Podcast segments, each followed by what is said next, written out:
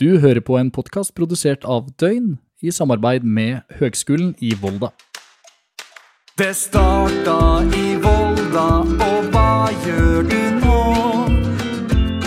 Det lurer jeg på.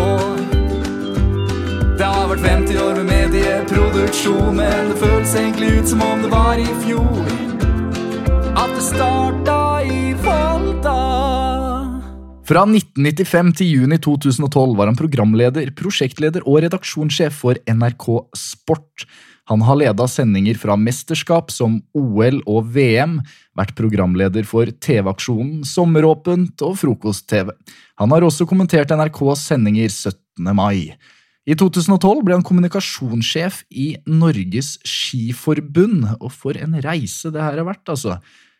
Men det starta vel muligens i Volda, så ta vel imot Espen Graff. Du er dagens gjest i podkasten. Tusen takk skal du ha. Det var, eh, det var jo en fin introduksjon, vil noen si. Eh, for meg så var det vel litt med blanda følelser, med tanke på at tida har gått fryktelig fort, og at uh, jeg ble minna på noe, noen prosjekter som kanskje ikke var like stor suksess som andre. Men det har vært mye forskjellig og mye moro, for all del, altså. Nå sitter jeg på mitt kjøkken og jobber i Skiforbundet fortsatt. Og der har du jobba siden 2012, ja? Da har det blitt noen år, det, da? Ja da.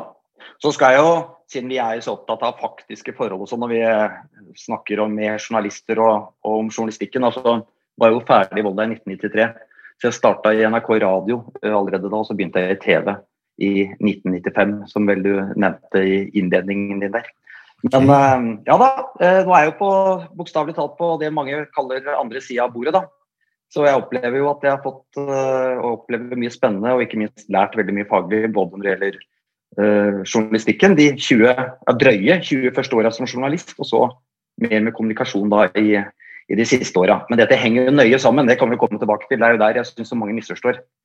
Her er det mange mekanismer ja, ja, og en helhet som jeg tror det er litt greit å vite om. Da må jeg notere meg her. altså Journalistikk Journalistikk Det er mye du kan begynne å notere nå, altså. Jeg advarer deg med en gang.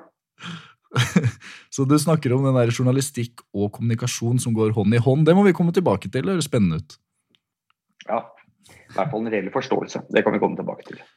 Da tenker jeg at uh, vi skal sette oss inn Jeg vet ikke hva slags biltype du ønsker å sette deg inn i når vi nå skal reise tilbake til, uh, til Volda og din start, kanskje litt før Volda òg, grunnen til at du søkte deg til Volda. Hvilken bil er det du ønsker å ta turen inn i? Er det noe gamle er det noen gamle typer? Ja, bil, ja, ja, Hva slags bil er det vi skal velge når vi nå skal reise tilbake? Ja, nei, det, er jo, det, er jo, en hvit Opel Kadett 1,6 liter bensin, hvis du skal bokstavelig talt.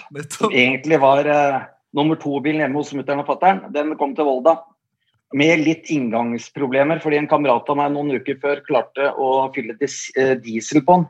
Så var det bensinbil. Det er dumt. Det anbefaler jeg ingen å teste. Det er en klassiker. Nei, så det, den, den, bilen kom jeg bokstavelig talt med, og så var det en ung gutt som kom til Volda i en tid hvor hele høyskolesystemet er helt annerledes enn i dag. Fordi det var jo en altså medielinja, som det jo også het den gangen, da. Ja. Med radio, TV og, og avisutdanning. Det var jo, var jo veldig vanskelig å komme inn der. Så det var jo sammen med Journalisthøgskolen, som det het i Oslo, liksom det store. Hvis man skulle bli journalist med utdanning i Norge. Uh, og da jeg tror til og med snittalderen i det kullet mitt var noe sånt som 26-27 år. Um, wow. Og jeg var jo da Hvor gammel var jeg? 21 eller noe sånt da jeg begynte der. Uh, så jeg var jo blant de yngste. Så det var jo en uh, meget ung og usikker graff som kom inn i høyskolesystemet rett fra gymnas, et år på folkeskole, et år i gardemusikken, og så rett inn hos alle disse fantastisk erfarne studentene. Så du var egentlig ganske ung. altså Nå har det jo endra seg helt. Nå er jo folk helt nede i 18-årsalderen når de kommer hit. Ja, det er jo, jeg har ment mye om det der de siste altså, altså, Det er jo ikke de unge sin feil, misforstå meg rett. Ja. Men det er jo også mine, mine, år i NRK så hadde jeg jo i, i flere perioder ansvar for en del eh, studenter, altså praktikanter som kom og hadde praksisen sin i NRK, både nyhetene og i sporten. Mm. Uh, og det er klart at jeg jeg ser jo at man, altså det er viktig både som journalist og i kommunikasjonsfaget å ha litt livserfaring. Og det å ha noen caser og opplevd og ha noen referanser her i livet som ikke dreier seg om skolebenken. Men uh, derfor er jeg jo veldig opptatt av at, uh, at det er en viktig del av den utviklinga for å bli en dyktig medarbeider. Men uh, ja, du har helt rett. Det var helt annerledes slik jeg opplevde det, med noen unntak. da. Og jeg så ut som Det gjorde jeg jo egentlig langt opp i NRK-alder òg. Så ut som jeg var 14 år og konfirmant. Så nå har jeg fått et litt grått skjegg, så er det litt annerledes. Men det er jo konfirmanten levde noen år både der og etterpå. Men når var det du fant ut at det var journalistikk du ønska å eh, begynne med? Det var veldig tidlig. Det var det og musikk for meg. Uh, mer enn sport. vi, Selv om jeg drev veldig mye med sport også. Men nå er vi jo tilbake til sånn åtte-niårsalderen. Ja. Hvor jeg var ekstremt opptatt av musikk. Uh, spesielt Beatles og litt andre ting. Uh, og lagde veldig mye med opptak, sånn klassisk, ikke sant? med opptaker hjemme. Mikrofon. Mye radio, da. Lagde en del radiosendinger. Uh, og var veldig opptatt av uh, formidling generelt, da. Og så tror jeg nok allerede på ungdomsskolen at jeg var fast opptatt, eller var fast bestemt på, heter det, at jeg skulle bli journalist. Og Volda ble et eller annet sånn, på et eller annet tidspunkt en sånn fjern drøm. Uh, uten at jeg helt kjenner noen som hadde gått der, eller hadde noen referanse utover at jeg skjønte at det var lurt. Hvis man skulle drive med radio i Norge, så måtte man til Volda. Så det var vel bakteppet, tror jeg. Ja, godt å høre. Jeg hører jo at vi, eh, vi, har litt Selv om eh, det er jo to helt forskjellige tider det er snakk om, så har vi litt samme bakgrunn. I hvert fall før, før vi kom til Volda. Ja, og er, jeg tror jo det er Altså, man, bli, man, kan fort bli, når jeg blir engasjert og kanskje litt sånn overtydelig av og til i, i, i påstander eller ting rundt hva jeg mener kan være litt lurt, da. hvis man skal lykkes faglig eh, som journalist eller som kommunikasjonsperson eller hva som helst ellers kanskje i livet, så er jeg jo Jeg tror jo alltid, eller tenker at det er en fordel å ha et stort engasjement knytta til noe eller flere ting. Ja. Uh, og jeg er jo der at jeg ser at det engasjementet som jeg har hatt f.eks. Uh, rundt musikken. da. Det hjalp meg også mange år etterpå rent faglig, når jeg hadde mye, mange program i NRK som jo inneholdt også musikk. Mm. Som gjorde at du kanskje kunne håndtere det på en helt annen måte enn bare å ha en in intro og en utro på en plate i en radiosending, f.eks. Eh, så det er jo ja, det er jo mange sånne type ting som kan påvirke det positivt. Men engasjement, være interessert i noe, det er jo grunnlaget for det meste av kommunikasjonen vår. Og på mitt og ditt vedkommende skjønner jeg at det var musikk, og det er jo ikke gærent. Hvis det er riktig musikk, vil jeg merke, da. ja, det spørs, da. Jeg, jeg har jo nå stått i kampen for at eh, låta som eh, Tix hadde på Grand Prix, pokker meg ikke var en ener. Det var liksom eh, kampsaken nå da, de siste ukene. ja, men da støtter jeg deg. Det er sånn kulturarroganse som jeg har vært opptatt av i mange år, spesielt da jeg jobba i radio. Ja, så bra. Uh, og hadde med meg, da jeg etter hvert begynte i TV, hadde de VM-sendingene mine, mm. så var det jo tradisjon i Norge for at vi hadde med oss mye artister. Var, man brukte mye ressurser på artister den tida som skulle gi et plate osv. Det var klassisk sånn PR-greie. Var med oss i de VM-sendingene. Men også artister som vi visste at folk satte pris på, var eh, glade eh, for at skulle være med i sendingene våre. Eksempelvis DDE, da, som jo var Nå prater vi om det første på en måte perioden til DDE, ja. da de tok av ordentlig i Norge. Og jeg er jo var og er veldig god venn med flere av gutta der. Eh, og sa det den gangen at var helt ærlig på at det var ikke musikken jeg satte på hjemme. Det har aldri vært noe som favorittmusikk eh, for meg personlig. Stor respekt for det de lager med tanke på målgruppe og alle de de treffer. Mm. Og de er ekstremt dyktige og profesjonelle i det de holder, holder på med. Men mye av det jeg møtte spesielt, kanskje skal jeg ikke være altfor svart-hvitt, men i deler av journalistmiljøet da jeg var ute og drakk øl i Oslo, da, mm. uh, rundt uh, Ja, nå er vi jo på midten av 90-tallet og slutten av 90-tallet. Ja. Uh, og mange av de jeg møtte der, og deres på en måte inngang til å vurdere musikken til det, det måten de snakka om dem på osv., kjenner jeg jo litt igjen i det du beskriver nå, med Tix. Ja.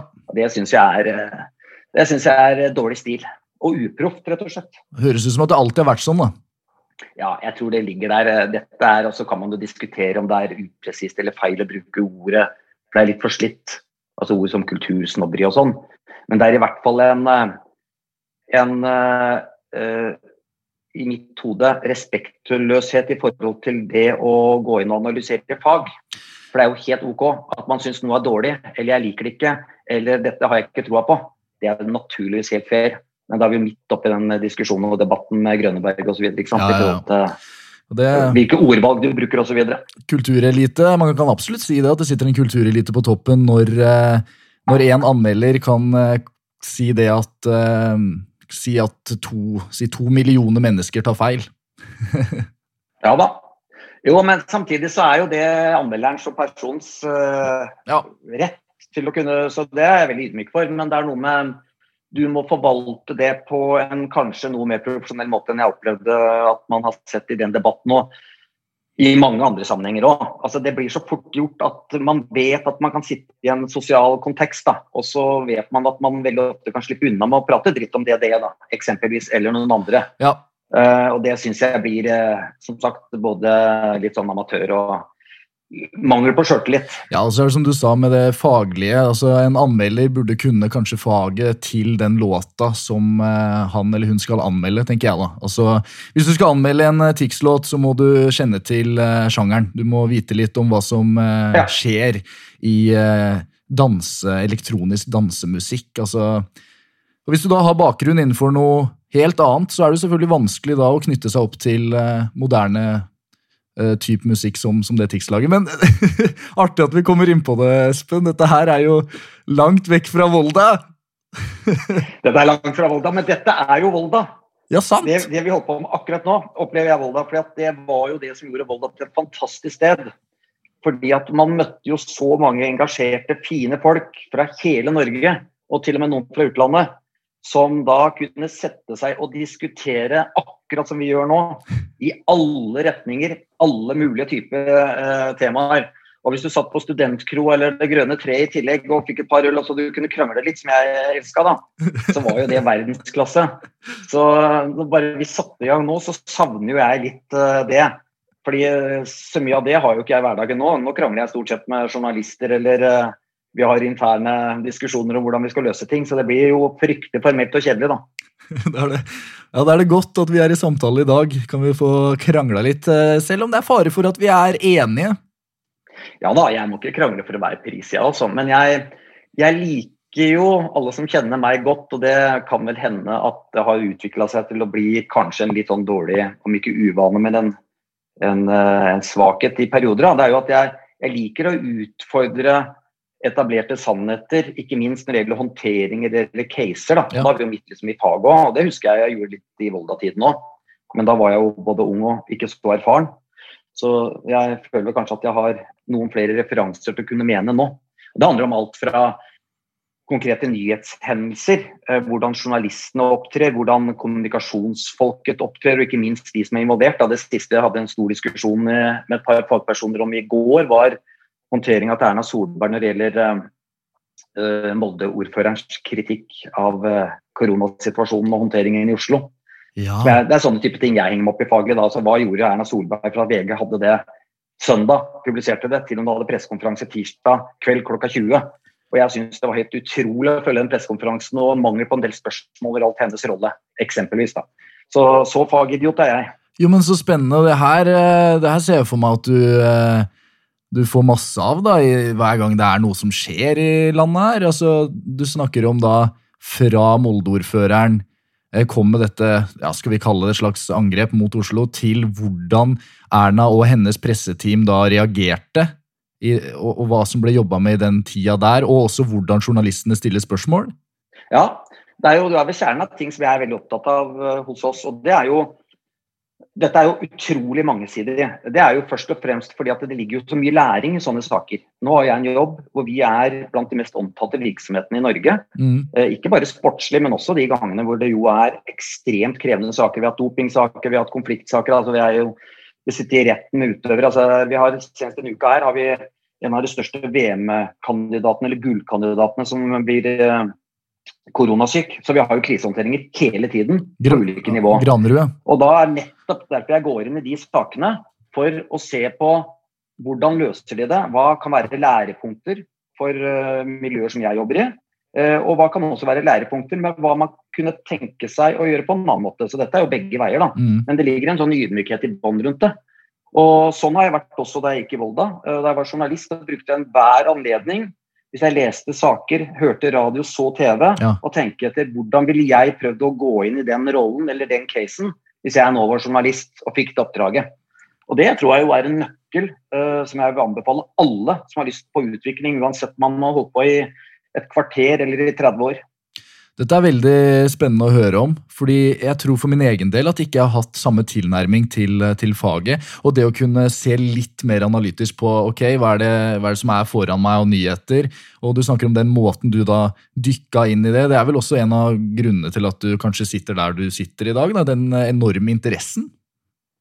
Ja, Det kan hende. Det tror jeg nok eh, at er en av årsakene, jeg håper i hvert fall det. Altså at man Klart det. evner å vise omgivelsene at man faktisk eh, altså Det handler litt om analytisk evne, men så må du bruke det til noe relevant da. Eh, Det var derfor jeg sa det med læringspunkter. Og vi har, eh, bare så det er klinkende klart, jeg har mange saker på CV-en min, ikke minst de siste åra også i Skiforbundet, hvor vi i ettertid ser at steike, det her dumma vi oss ut. Eller det, dette var rett og slett dårlig håndverk. Mm. Strategisk feil eller dårlig vurdert.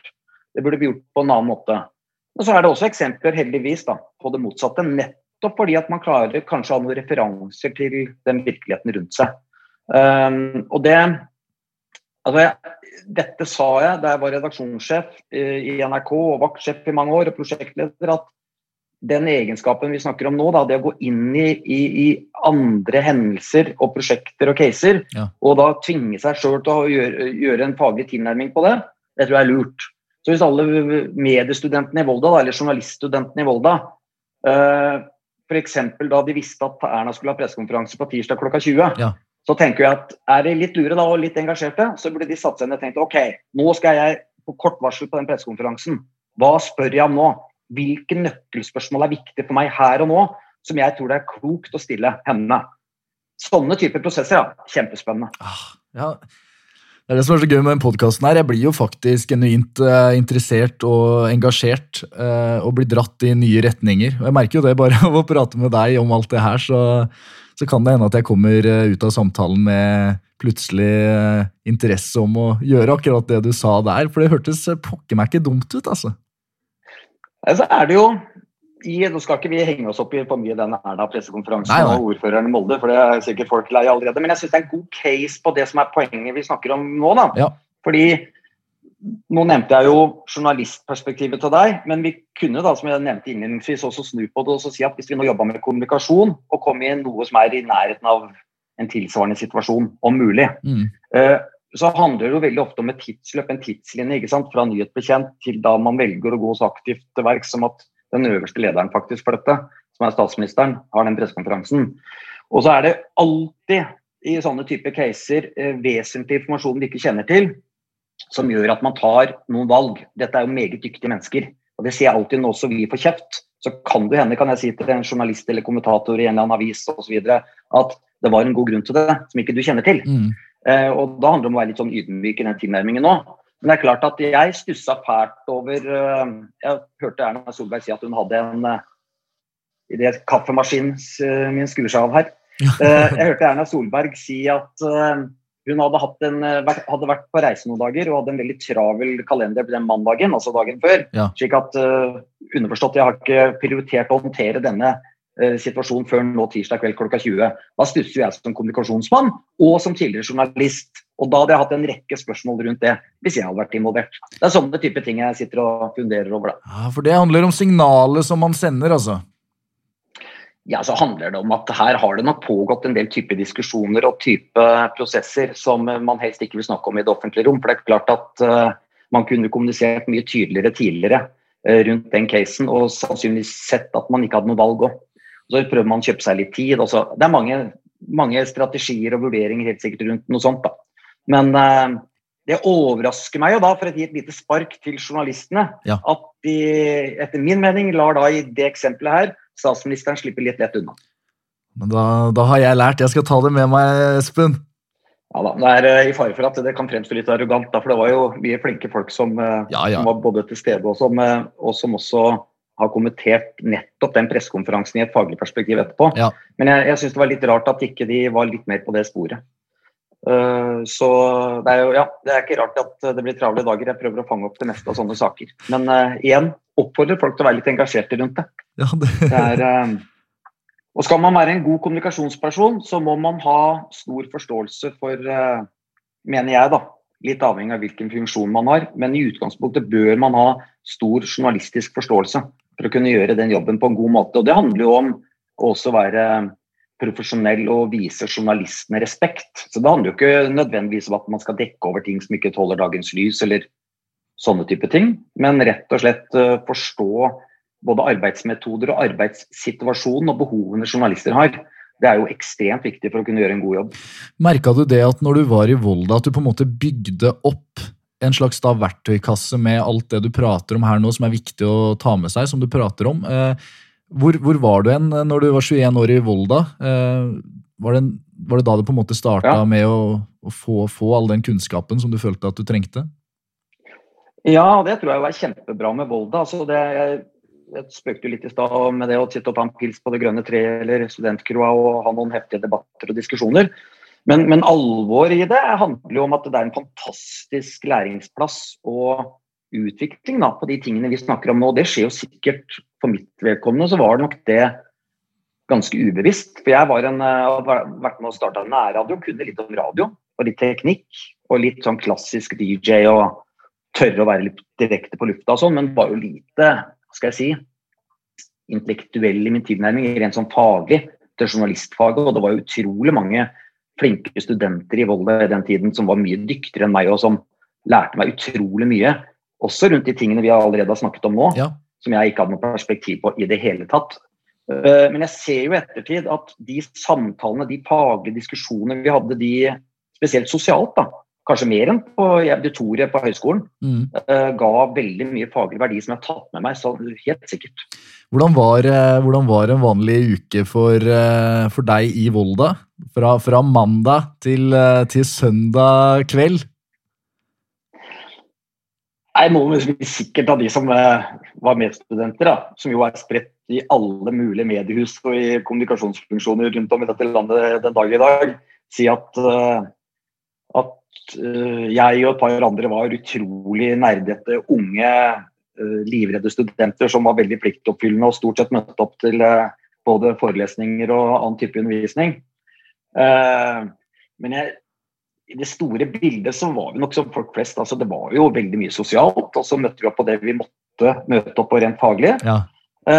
Men jeg tror det var én ting som jeg har sett Jeg har en bror som gikk i Volda noen år etterpå. Så da var jeg jo på besøk noen ganger. Og så en forskjell allerede da. Det var jo at vi, vi jobba utrolig mye praktisk. Det var ikke uvanlig at vi kunne sitte en fredagskveld eller lørdagskveld eller nesten til langt på natt og lage radioinnhold. Mm. Radiosendinger radiodokumentarer, til og med et par som jeg vet noen av oss fikk solgt til NRK i sin tid, mens vi var studenter. Wow. Så vi var nok Enten var vi fulle og gærne på Det grønne treet eller på studentkroa, eller så var vi ekstremt seriøse studenter. Så det var en veldig sånn todelt greie, tror jeg. det, har ikke, det ikke endra seg så altfor mye. Jeg hører at liksom det å gå i Volda, det er én type student. Ja, ja, jeg tror nok det jeg, jeg, har jo vært innom et par ganger i Volda, noen forelesninger og, og vært innom i noen sosial sammenheng. Og opplever nok sånn sett at tiden har stått litt stille, da. Eh, da jeg kom der i 91, så trodde jeg først at jeg ikke hadde kommet inn. Fordi jeg, jeg vet fortsatt egentlig ikke hva som skjedde rent sånn formelt. I, det var ikke så mye mail den gangen heller, så det var postgang. Så da trodde jeg at jeg ikke hadde kommet inn av en eller annen rar grunn, så jeg begynte jo på Gimlekollen. Ja. Etter faren min ringte etter et par dager og så sa han, du, hva er det du gjør? Dro ikke du til Kristiansand med toget? Jo, det gjorde jeg. Ja, men eh, da kom jeg og hentet deg, for du har jo kommet inn i Volda. Jeg har ringt og spurt hvorfor ikke du møtte opp. Så da dro vi til Volda isteden, da. Så det var jo eh, det var fint, det. Og da kom jeg og bodde hos en tante, for da hadde ikke jeg ordna meg hybel eller noen ting. Oi. Så da bodde jeg hos en tante som er i Ørsta første semesteret, så da var jeg jo i hvert fall litt tett på det som foregikk så forsto jeg at dette her går jo ikke. Jeg må jo komme meg til Volda. Så da flytta jeg inn i eh, B-blokka, er det ikke det det heter? Eh, på Porsche. Nei! Jo, jo. Og er, Der bodde jeg resten av perioden sammen med min gode venn eh, Lars Kittelsen. Som etter hvert ble leder i veldig mange store medievirksomheter i Norge. En utrolig hyggelig, fin fyr. Selvfølgelig musikant. Saksofonist og visedirigent i Gardemusikken. Hør, hør. Eh, så det er jo Grunnlaget er jo lagt da. Og så endte det jo med at det var veldig mange andre mediestudenter som også bodde enten i samme gangen eller i, eh, hadde rom i, på Porsche. da. Så der hadde vi det jækla mye artig, for å si det forsiktig. Ja, har du, har du noen eh, vage minner fra morohetene som utfolda seg i Porsche sine litt lignende jeg, jeg skal ikke være frekk mot Porsche, men jeg har sammenligna det litt med litt sånn det er, ikke, det er ikke som et fengsel, det vil jeg ikke si, men uh, for oss nå så er, så er Porsche Porsche er Porsche, altså. Du må, du må ikke være opptatt av rammene, vet du. Du må være opptatt av Det er jo det, er jo det indre livet, det er jo menneskene. Det er jo det som er viktig her. Det er klart at Jeg var jo innom, jeg var innom på Porsche for en tre-fire år siden, da jeg var i Volda sist. Ja. Eller to-tre år siden var det. Eh, og Jeg tenkte litt det du sier nå, men det er jo tenk så mye hygge det har vært i gangene der med fine folk. Det er jo det som er viktig. Ja, og da Eh, og det er jo, ja.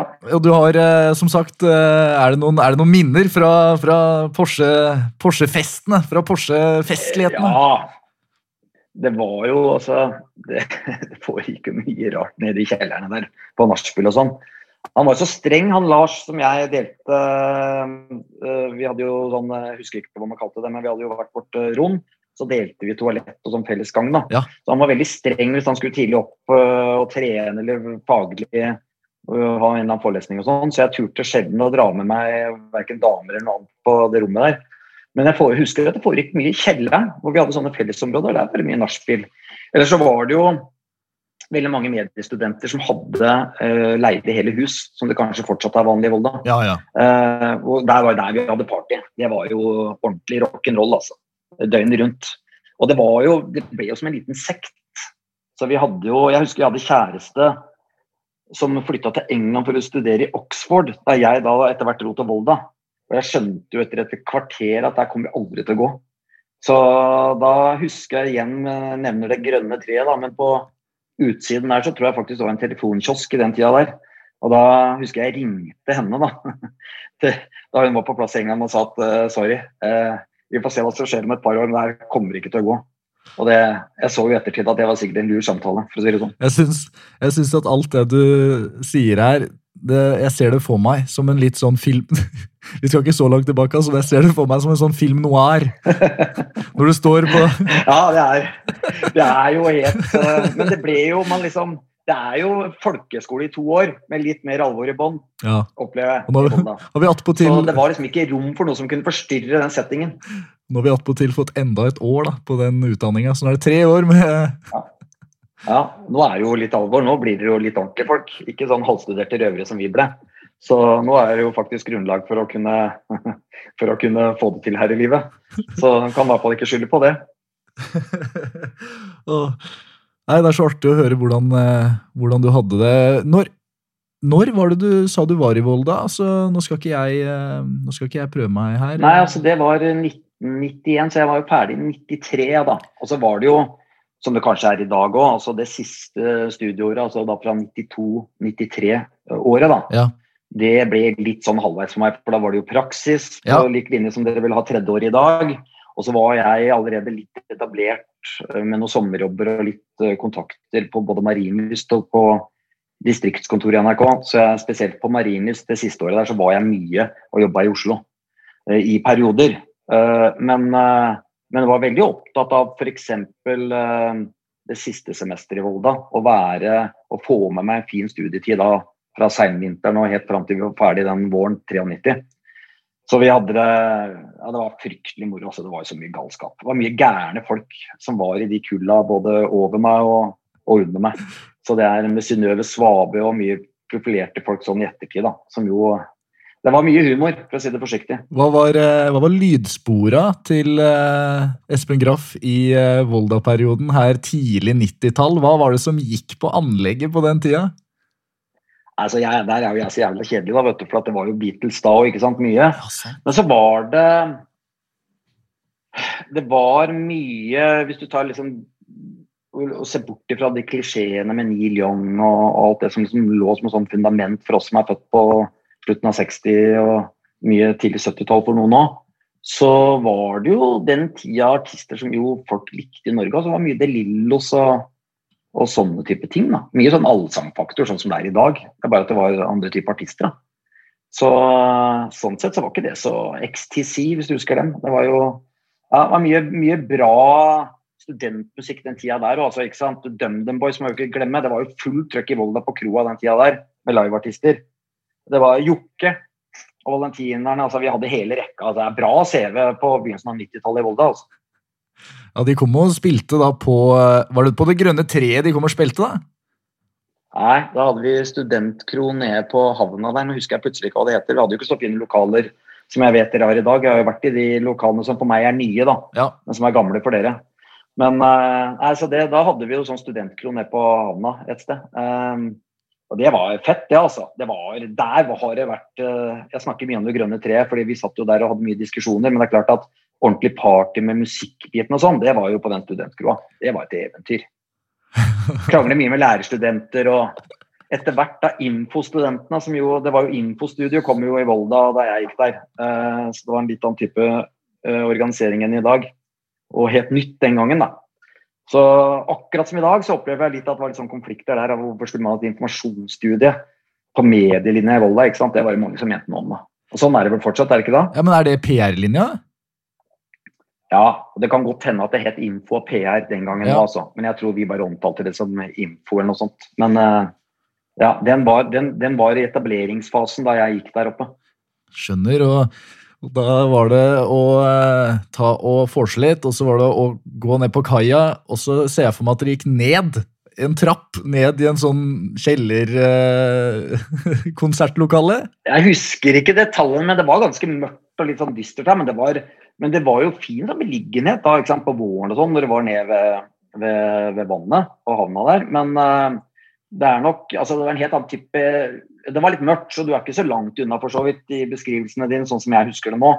Men eh, jeg husker jo da jeg var oppe hos dere og så da det som er studentsamlingsstedet i dag, så ble jeg jo ganske misunnelig, for det er jo et eventyr sammenligna med de lokalene vi hadde. Det må jeg si. Men det var, det var ordentlige lokaler for så vidt også hos oss. Altså, du, du hadde gode konsertopplevelser live, altså. Så jeg skal ikke, skal ikke lage et bilde som ikke er riktig. Ja, men var, ja. Vi hadde mye moro der. I, igjen så Vi snakker jo om Porsche, som eh, kanskje ikke er den eh, mest estetiske plassen, men det er jo innholdet. Og det, er jo, det gjelder jo musikk og live. Altså, du kan jo være i en grotte og oppleve de beste livekonsertene.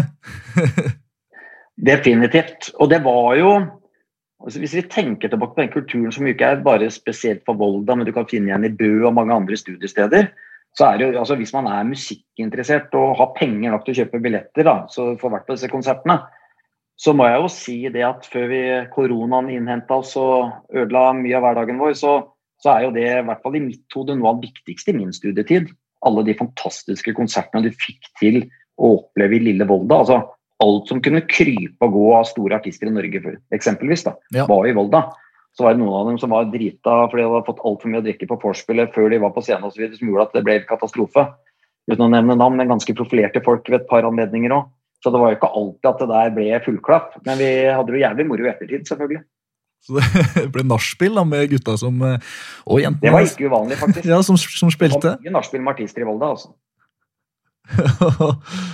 Å, så gøy. Du vet, eh, her, eh, her nå, vet du, så er det som du sier, det er jo den koronaen som har ødelagt litt for, for min start. Jeg er jo bare egentlig et halvt år inn og noen måneder, så jeg har opplevd Volda kun i, i koronatid. Så det, det gleder jeg meg til, eh, Espen, at, at det åpner seg opp. For jeg vet at Volda tiltrekker seg store navn, og på, nesten på ukentlig basis at det, at det kommer folk inn her. altså Vi bor jo rett ved Rocken, så ja, gi det noen måneder, kanskje et, et års tid, da, si et år. Om et år på den tida her, så håper jeg da at det er litt mer sånn som du snakker om nå.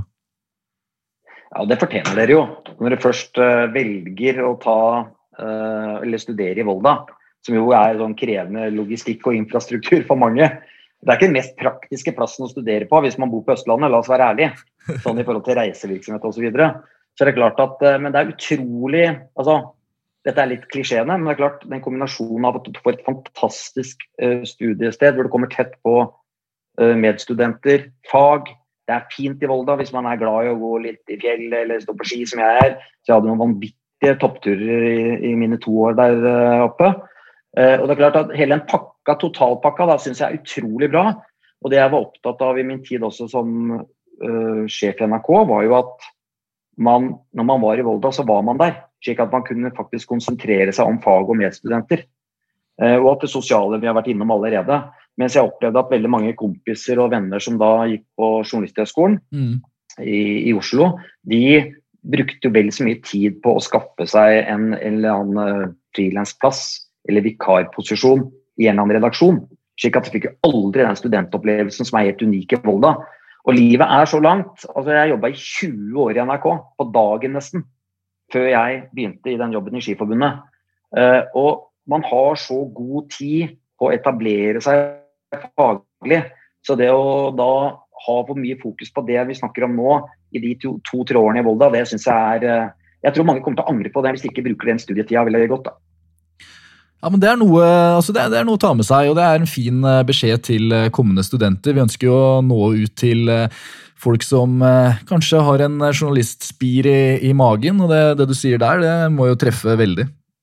Jeg har i hvert fall gjort en erfaring eller en vurdering rundt det sjøl. Altså, det blir jo fort så alvorlig. ikke sant? Plutselig så er man utplassert i praksis, og så kommer man i en redaksjon eller på et kommunikasjonssted. Og det er et enormt fokus. Det er stor, ofte stor kravkultur. Det er beinhard konkurranse om å få et vikariat eller en jobb eh, osv. osv. Da tenker jeg at da er det jo akkurat disse åra i Volda vi må bruke til å få bredest mulig erfaring og ha det bra i en studiesituasjon som aldri går tilbake. Eh, litt klisjé, men, eh, og fort gjort å glemme når man er midt oppi det. Men jeg tror det er en, sånn, det er en vennlig påminnelse fra en gammel mann. jeg er ikke fullt så gammel, men det drar seg til. Er, eh, vi, snakker, vi, snakker, om at det var ferdig i 93, så jeg måtte tenke litt på det rett før jeg kobla meg på med deg nå i stad. tenkte steike, det her er jo galskap. Men, Men, det har vært mye moro, da. Ja, jeg hører det. Det er så hyggelig å høre hvordan du eh, levde livet i Volda, og at det ikke er så langt unna sånn som vi faktisk har det den dag i dag. Altså. Men nå er jeg spent da på å høre reisen videre. Du har liksom vært eh, litt innom det.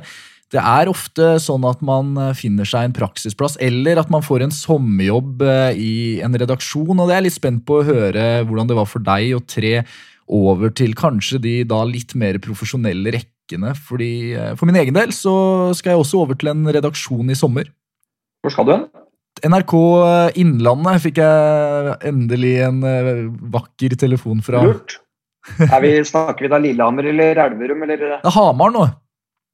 Hamar er det nå, vet du. Nå, er det jo, nå må jeg følge med i timen. Det er selvfølgelig Men jeg er Elverumsing, jeg er, jeg er Elverumsing, så, så, det er greit. Eh, Elverum har jo hatt eh, kontoret i mange mange hersens år, men uh, nå er det over til Hamar. og det, Jeg er jo spent, så det er jo sikkert litt artig å høre hvordan det var for deg å begynne i en uh, sommerjobb som var litt mer relevant til uh, den utdanninga som vi tok. Ja.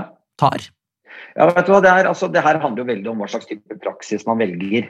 Og det er klart at Hvis man velger, eller en sommerjobb, da, Uh, og for mitt vedkommende, som jo var veldig radioorientert Jeg skulle ikke drive med TV, f.eks. Det var jo, jeg synes det TV-studiet i Volda var noe forbanna tull. Så jeg husker vi var jo noen av oss som var ordentlig grinete for at vi skulle på grunn av altså, For å få godkjent hele studieopplegget i Volda, da, så måtte vi også ha noen timer med TV, selv om vi gikk på radiostudiet. Ja. Uh, så og det husker jeg noen av oss, inkludert meg sjøl, har utfordra kraftig uh, til ledelsen på høyskolen. For det, det syntes vi var noe tull når vi var radio vi skulle drive med. Men for å svare på spørsmålet ditt. Ja, uh, eh, jobba med radio. Uh, fikk da sommerjobb husker jeg, i NRK Buskerud i 1992. Og sommeren 1993, den sommeren jeg var ferdig i Volda. Og Da fikk jeg også uh, sommerjobb med noen vakter i NRK Dagsnytt, altså nyhetene, og Radiosporten, som det het den gangen, altså Sport. da. Mm. Og for å prøve å være kort på, for det er nesten et foredrag i litt sånn godfotteorien til Arne Eggen, for de som kjenner til det der med å bygge på erfaring og sjøltillit, så bli bedre på noe du kanskje allerede er litt flink til. da. Ja. Så opplevde jeg det motsatte først, for jeg var også så stressa, så nervøs. Jeg husker at jeg hadde lokalsending, og så leste nyhetene i NRK Buskerud som det het den gangen. da, Viken i dag. Uh, og det var helt forferdelig. Jeg var så, unnskyld uttrykket, ræva dårlig. Eh, stemmemessig, språklig altså alt. Jeg var mye dårligere enn det nivået jeg egentlig holdt. Og jeg tror jeg har tenkt mye på det og nevnt dette for mange studenter eh, i min NRK-tid. Jeg tror det skjedde en sånn mental greie på at endelig så var jeg i nærheten av noe mål om at jeg skulle komme til fantastiske NRK, som den gangen var en stor drøm, altså. Og så var jeg der, og hadde en halv fot innafor, og så ble det litt for mye. Uten at jeg kanskje var helt klar, da, Ja. Um, og hvis man hadde hørt i opptakene, altså det er pinlig. Det var så dårlig at det er helt, uh, ja, helt grusomt. Og så fikk jeg jo muligheten da, overraskende nok den samme sommeren som jeg nevnte på Marienlyst, som var enda verre, skulle man tro. For da var man jo plutselig på riksdekkende radio, ikke sant. Uh, og hadde saker i Dagsnytt, og så var det OL i Barcelona, husker jeg. eh, Den sommeren i 92 snakker vi om nå, da. Uh, og i Radiosporten, og plutselig så enten så var du med, eller så var du ikke med. Så man ble kasta inn i studio og hadde sendinger for hele Norge, ikke sant. Og leda da OL-sendinger. Helt sånn, jeg var ikke klar i det hele tatt. Men av en eller annen merkelig grunn så gikk noen av de sendingene ganske bra. Og fra da bare noen uker tidligere å være nervevrak når jeg leste lokale nyheter i NRK Buskerud, til da å sitte og plutselig lede uh, ganske store radiosendinger og sette over til kommentatorer i OL og sånn, så bygde jeg en veldig sånn sjøltillit på veldig kort tid. Fikk gode tilbakemeldinger. Det var derfor jeg nevnte denne godfotteorien med, med Eggen. Eh, og mer skal det jo ofte ikke til, da. For den, da snudde jeg det bare på noen uker til å plutselig få den sjøltilliten som jeg kanskje burde hatt med meg sånn fra nærradiotiden og tiden i Volda allerede. Og så balla det på seg, og fikk eh, på veldig kort tid veldig store, syns jeg sjøl, programlederoppgaver på, på radio, etter hvert da et par år etterpå på TV òg. Du verden, tenk så fort det gikk, da! Ja, veldig. Jeg må si det, altså. Og det var nok en litt annen tid enn det er i dag, og det, det også. Men da for mitt vedkommende på en veldig positiv måte. For det var litt sånn en tid der at enten så var du god nok og ble med maks inn i de prosjektene som var eh, nødvendig å forholde seg til, eller så fikk du ikke sjansen. Det var liksom ikke noe sånn midt imellom, opplever jeg. Så jeg var jo allerede etter et år i Volda, så ble jo jeg vaktsjef i eh, Radiosporten. Oi, oi, oi. Eh, kanskje fordi de trengte en som de kunne påvirke som de ville. Men det var jo med ganske heftige profiler for de som husker radio den gangen. Han, Ernst Alersven, som jo etterpå ble en stor TV 2-profil. Eh, Harald Bredli, som jo er TV 2 den dag i dag. Ja. Unni Andersdal, som var legendarisk radiokommentator. Ole Jakob Jorseth, det samme. altså Det var den rekka, og jeg ble jo sjefen for disse folka. da.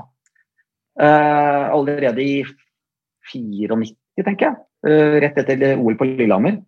Så og jeg har tenkt etterpå at det var jo ikke jeg klar for i det hele tatt. Men man fikk jo mulighetene hvis man forhåpentligvis viste at man kunne takle noe av det, i hvert fall. da.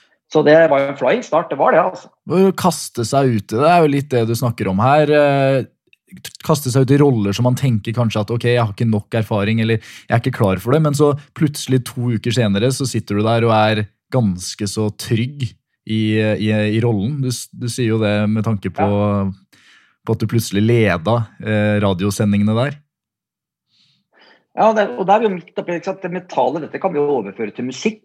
Du og jeg, altså det å stå på en scene og ha en god eller dårlig opplevelse, Ja, Eh, og hvordan du takler da også den dårlige inn til kanskje gjør det til noe positivt senere. Altså, dette er jo grunnleggende menneskelig psykologi vi alle selvfølgelig kan kjenne oss igjen i på ulike scener og ulike nivåer.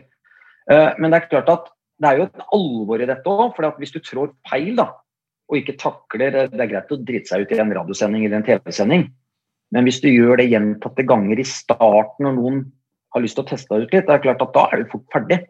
Men heldigvis så er det rom for å feile litt, og jeg sitter jo den dag i dag og ser erfarne TV-medarbeidere nå i NRK eh, sitte som såkalte eksperter og analysere f.eks. covid-19-situasjonen. Og så har jeg fortsatt på netthinna klipp fra min eh, ledertid i NRK hvor de var sommervikarer og dreide seg ut på direkten. Som jo ble julebordsvideoer og YouTube-hiter osv. Du kan jo finne det uten å nevne navnet en dag i dag. Og nå sitter de med den tyngden og eier studio de er i. Med fagkunnskap og ikke minst formidlingsevne. da. ja. Så det er håp for alle, altså. Ja, det er så godt å høre. Selv liksom de, ja, de mest profilerte som har den tryggheten. Og når jeg ser på deg og hvordan Jeg har jo, jeg har jo fulgt deg eh, opp igjennom. tenkte deg, du, du sier jo her at du jobba da i NRK som da programleder og, og eh, hadde veldig mange ulike roller. Og jeg leste jo opp i introen her at du har leda veldig mange programmer fra da 95 til 2012 i NRK. Ja, ja da. Og innimellom der så var jeg jo da, som jeg nevnte, litt redaksjonssjef og prosjektleder og gjorde egentlig veldig mye annet. Altså De første årene så fra først, som jeg nevnte, å ikke like TV i det hele tatt, jeg skulle bare jobbe radio, Ja. så var det jo en stor uh, overgang uh, og skulle begynne i TV i 1995. Uh, da var jeg veldig opptatt av at jeg ikke skulle være programleder. Og det tror jeg nok jeg beviste at jeg mente òg, for jeg sa nei faktisk flere ganger til å være Altså ble tilbudt å bli testa i studio. Det sa jeg nei til. Eh, slik at det er flere som jobber i NRK den dag i dag, som vaktsjefer og nå ledere bak kamera, som jo prøvde seg i den perioden hvor jeg sa nei. Ja. Og så jeg vet ikke om du husker eh, legenden Viggo Johansen, som jo var Dagsrevy-anker i mange år og korrespondent og vært uh, involvert i mye. Ja. Han var en periode sjef i NRK Sport, og han sa til meg før eh, VM i fotball i 1998 så sa han du, nå har vi mast så mye, så nå kommer jeg til å spørre deg for siste gang. Jeg vil at du skal være programleder i det fotball-VM-et.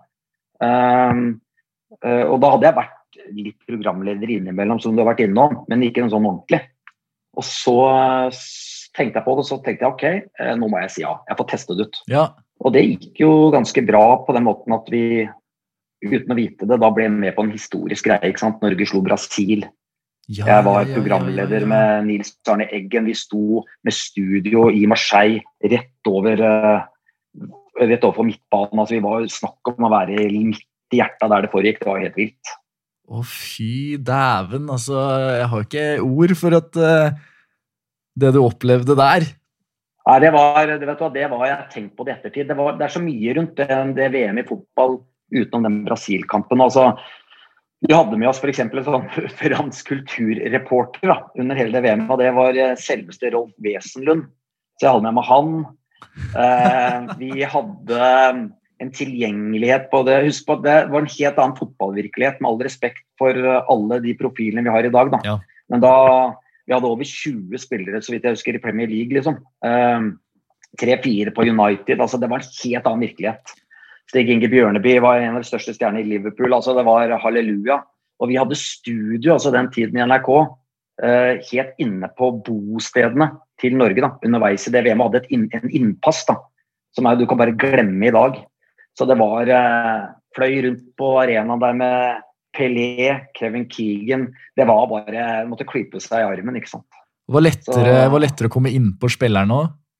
Ja, veldig mye. Men eh, noen var nok litt prega at de var i store Premier League-klubber Alex Ferguson leda United og sånn, så det var nok litt eh, De var nok litt eh, skeptiske. Men det er klart å ha med seg Nils Arne Eggen, legenden, da, som var sjefen ikke bare for alt som foregikk der nede. Han blanda seg inn i treninger og alt mulig rart. Eh, og sendetidene til NRK i det tatt, det, det hjalp jo litt. da. De hadde jo veldig respekt for han. Så jeg husker Kjetil Rekdal kom der med snus i leppa og fikk klar beskjed om å spytte ut snusen og skjerpe seg i studio og sånn. Så Nils Arne kjørte jo eh, sånn eh, lektor Tørdal, eller rektor Tørdal, eller hva det heter for noe fra Stumpa, hvis du husker det. Det er litt sånn beinhard, altså.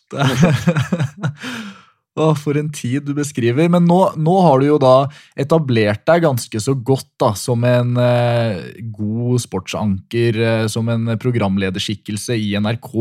Nå føler jeg at du har eh, fått en ganske god tyngde allerede. og og dette var eh, under det eh, mesterskapet der, altså. Og etter det så, så var det vel ganske Ok, nå er Espen programleder, altså. Ja, jeg så jo fortsatt ut som jeg var 12-13-14 år og konfirmant, da, hvis du ser på noen klipp. Eh, datteren min er jo helt pinlig berørt hver gang det dukker opp noe på YouTube. Og hun har jo helt rett. Jeg ser jo ut som jeg er konfirmant. Så jeg var jeg veldig litt mer voksen inni, inni meg, håper jeg. Men eh, nei, da, da, da er det jo ofte ikke sant, sånn som det, det er tilfeldighetene. Eh, og sånn er det jo i dag òg. Selv om det kanskje er mye tøffere konkurranse enn det, enn det, det var den gangen. Fordi at da, hvis man da fikk noen gode opplevelser, Ja. positive opplevelser som jeg nevnte om denne første sommeren min nå, eh, og noen eh, i de riktige posisjonene ser at søren, han, det funka litt med han der fyren der. Eh, selv om han har litt rare briller og ser ut som han er tolv. Og da er det jo et eller annet med at eh, du kan ha litt flaks og kanskje være litt flink på noen områder når det er nødvendig. Og så i sum da, så får du muligheter. Og plutselig ble jeg jo ringt opp av Underholdningsavdelingen og Faktavdelingen og masse ulike prosjekter.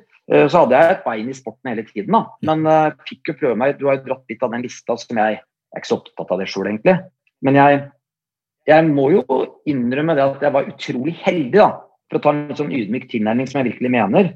Altså Jeg fikk lov til å lede alt av store sportssendinger i, i internasjonale sportssendinger på NRK i mange år. Altså OL, VM-er i alt mulig rart av idretter. Jeg fikk lov til å ha liksom, de store flaggskipssendingene til NRK i, i hvert fall en periode, som jeg også var involvert som programleder sjøl. Um, og det er jo utrolig gøy. Men jeg reflekterte ikke over det der og da, altså. Ikke i det hele tatt.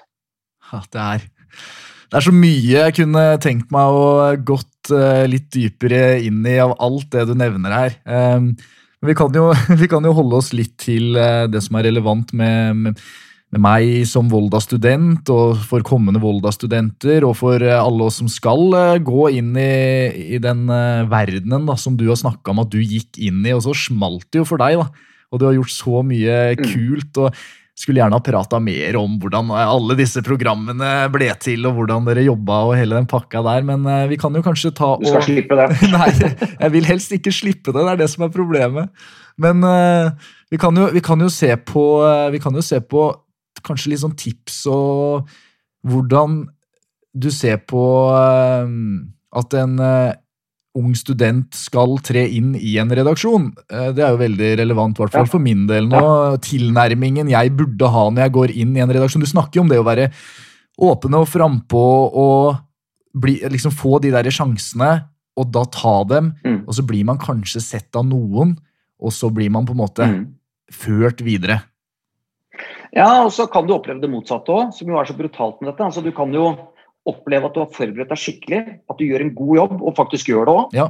Men du får ingen respons, du blir ikke lagt merke til, du får ikke sjansen videre. Du blir oversett på redaksjonsmøtet, ingen nevnte den saken du gikk all in i dagen før, liksom. Mm. Uh, det er også virkelig en del av den virkeligheten med å være uh, i praksis, eksempelvis. Uh, men jeg tror at i bånn rundt det du pendler inn på nå, er jo litt det der jeg sa med jeg dro dette Erna-eksempelet og Molde-ordføreren, den casen, ja. så, så, så, er det noe overførbart igjen. Og det handler om at du er nødt til, mener jeg da Vi mennesker er forskjellige. Men for meg i hvert fall så har det vært en viktig faktor som har gjort at jeg har oppnådd noen av målene mine. Med at man er, har et stort engasjement. Man eh, jobber knallhardt over tid for å nå de måla. Dette er jo en megaklisjé når jeg sier det på denne måten. Men det å bare møte opp uforberedt da, i den redaksjonen. Og ikke eh, være så engasjert og gå all in at du ikke er så opptatt av klokka, f.eks. Så om du jobber en to-tre timer ekstra eller eh, holder på den søndagskvelden, ja, da mener jeg at da må du vurdere om du er i riktig bransje. Eh, og så er jeg dessverre slik de som kjenner meg godt, ville nå ledd veldig av mine venner på samme alder. da. Fordi at det har vært min store svakhet. Jeg jobber døgnet rundt. Og går all in og stiller ekstreme krav til meg sjøl. Det er kanskje litt viktig med det vi snakket om i sted òg. Ja. Altså, i, i, den perioden jeg snakker om VM i fotball, og så fikk jeg møte han og han, og så ringte sjefen fra uh, uh, underholdningsavdelingen, og det høres jo så fint ut.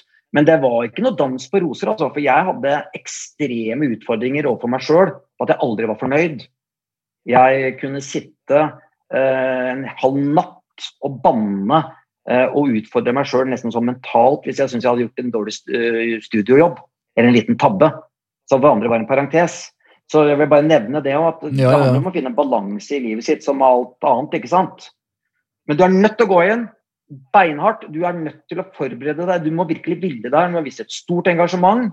Og du må følge med i timen på det som foregår.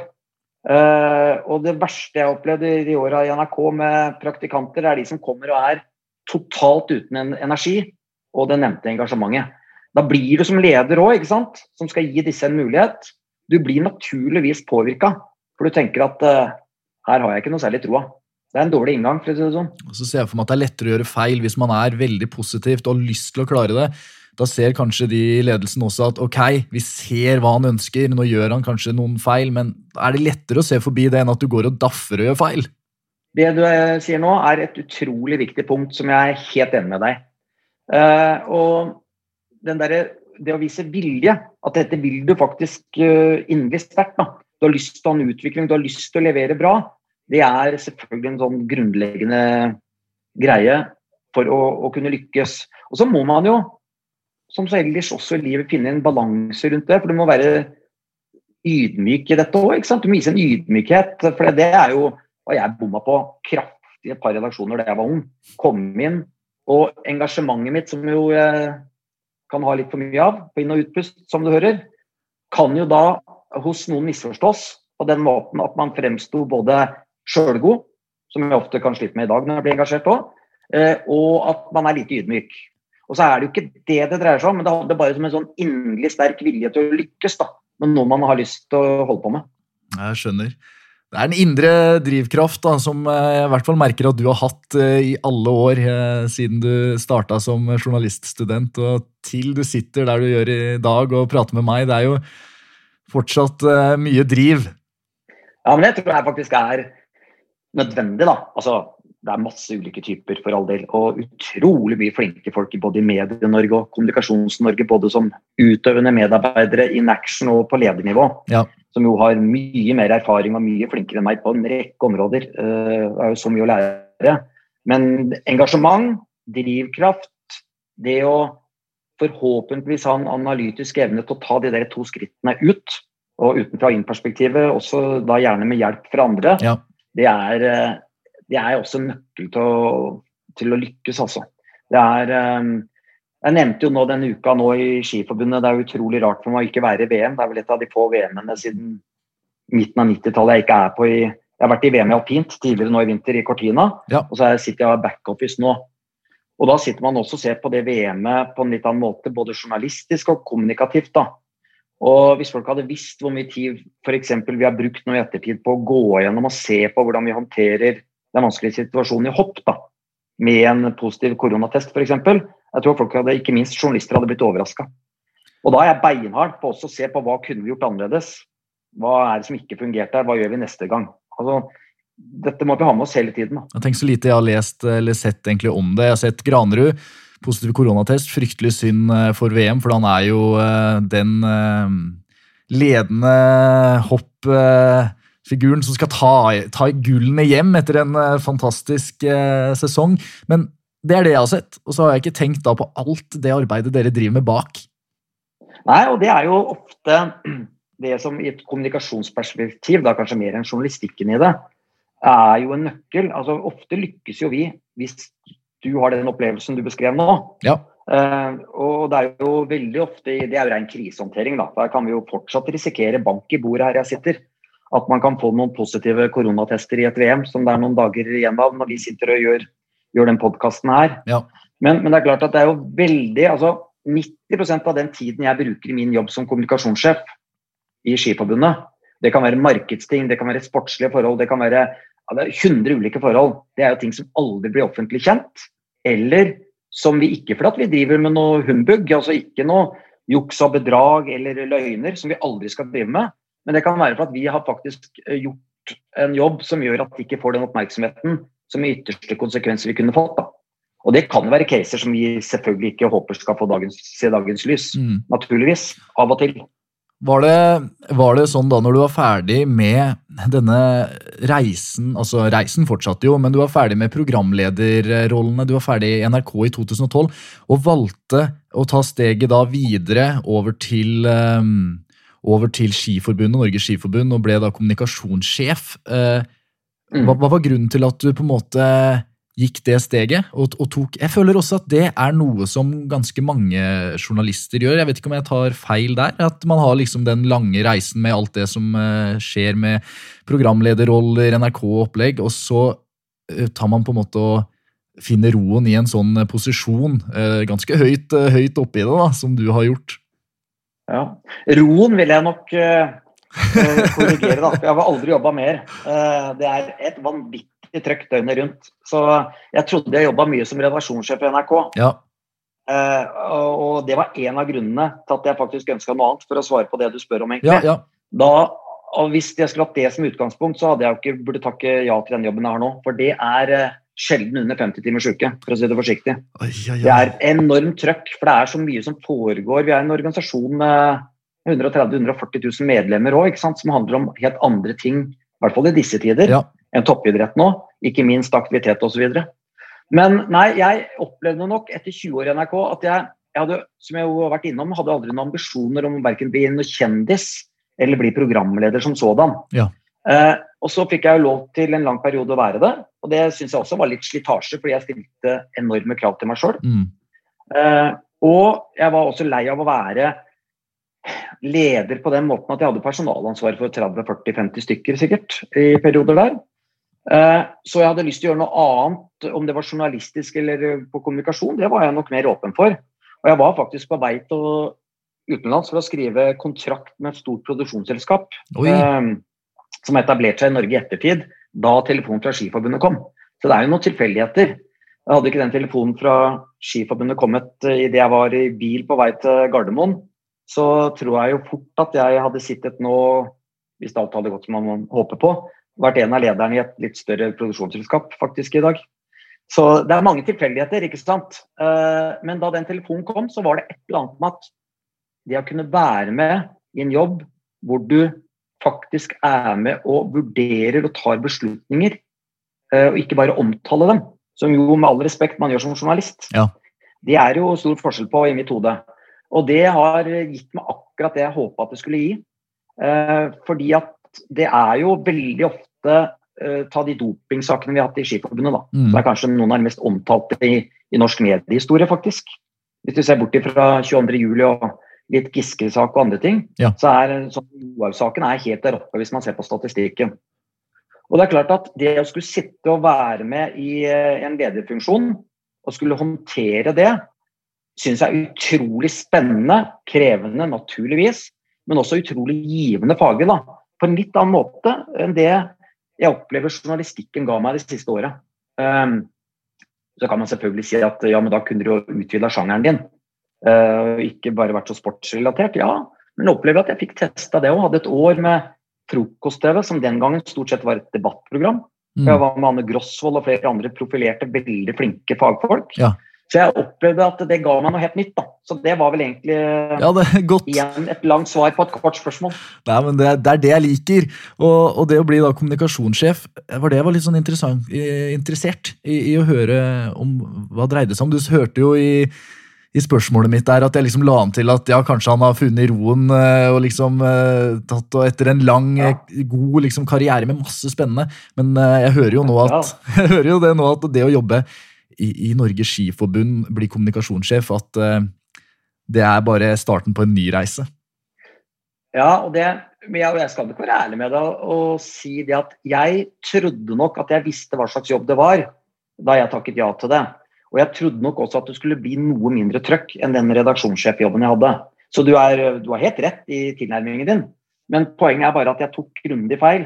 Jeg hadde altfor liten kunnskap hva som kreves for å lede kommunikasjonsarbeidet i en så stor virksomhet, med det enorme fokuset vi har. Uh, som jeg sa, altså blant de mest omtalte virksomhetene i Norge, faktisk, altså uavhengig av sjanger og sammenheng. Det er jo helt vilt hvis man tenker over egentlig hva det er for noe i virkeligheten. Ja. Uh, eller i real life. Uh, og vi har jo ikke så mye ressurser, for vi er jo en organisasjon som stort sett skal bruke penger på aktivitet. Barn, unge og toppidrett. men vi har samarbeidspartnere som er de største aktørene i norsk næringsliv. Vi har mye internasjonalt arbeid, vi skal forhandle TV-rettigheter til flere hundre millioner. Altså Det er så mangesidig den jobben som gjør at det er jo i mitt hode, da, som jo har veldig mange venner som har toppstillinger kommunikasjonsmessig andre steder i Norge, ja.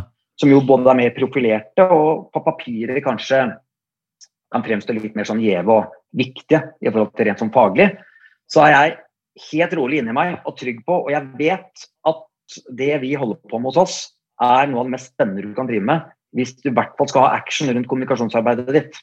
Det er, eh, Og ikke minst da daglig, nesten, ikke krisehåndtering.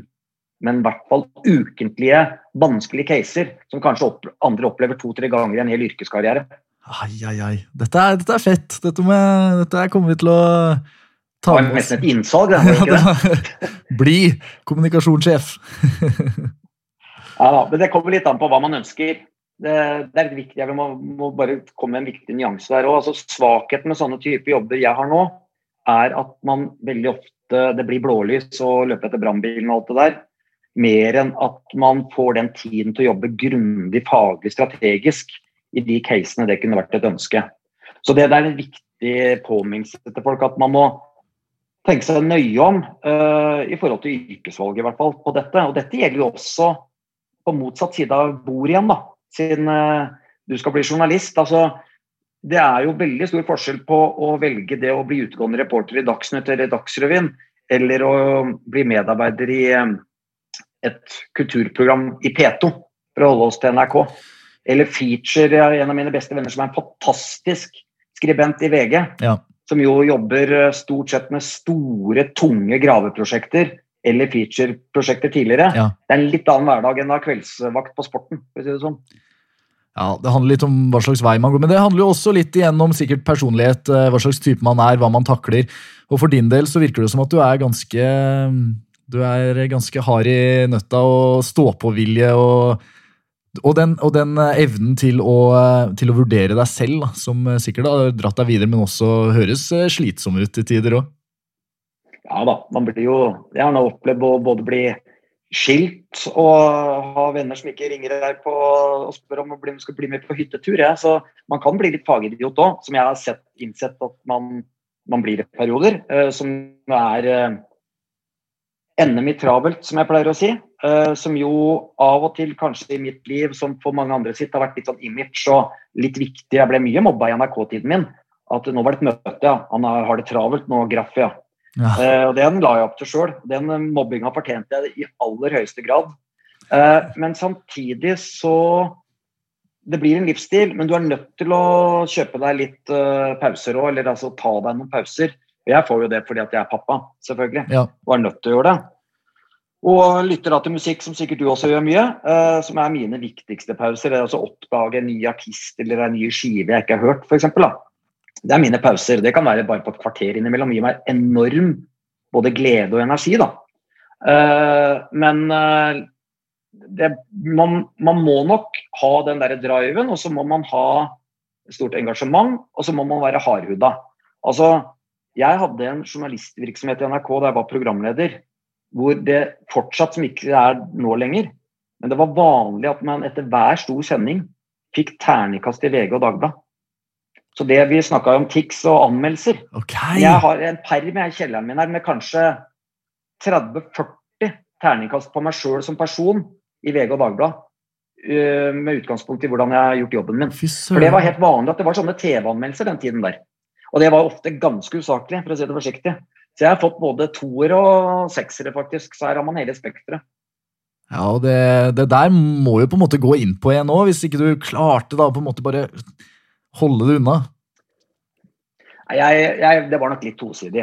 Eh, jeg tror egentlig at jeg klarte det ganske bra, men jeg, igjen det engasjementet jeg har da, Ja. på inn- og utpust, som jeg sa, er jo ble nok ikke alltid tatt vel imot av de journalistene. For det var ikke uvanlig at jeg kunne ringe og skjelle dem ut.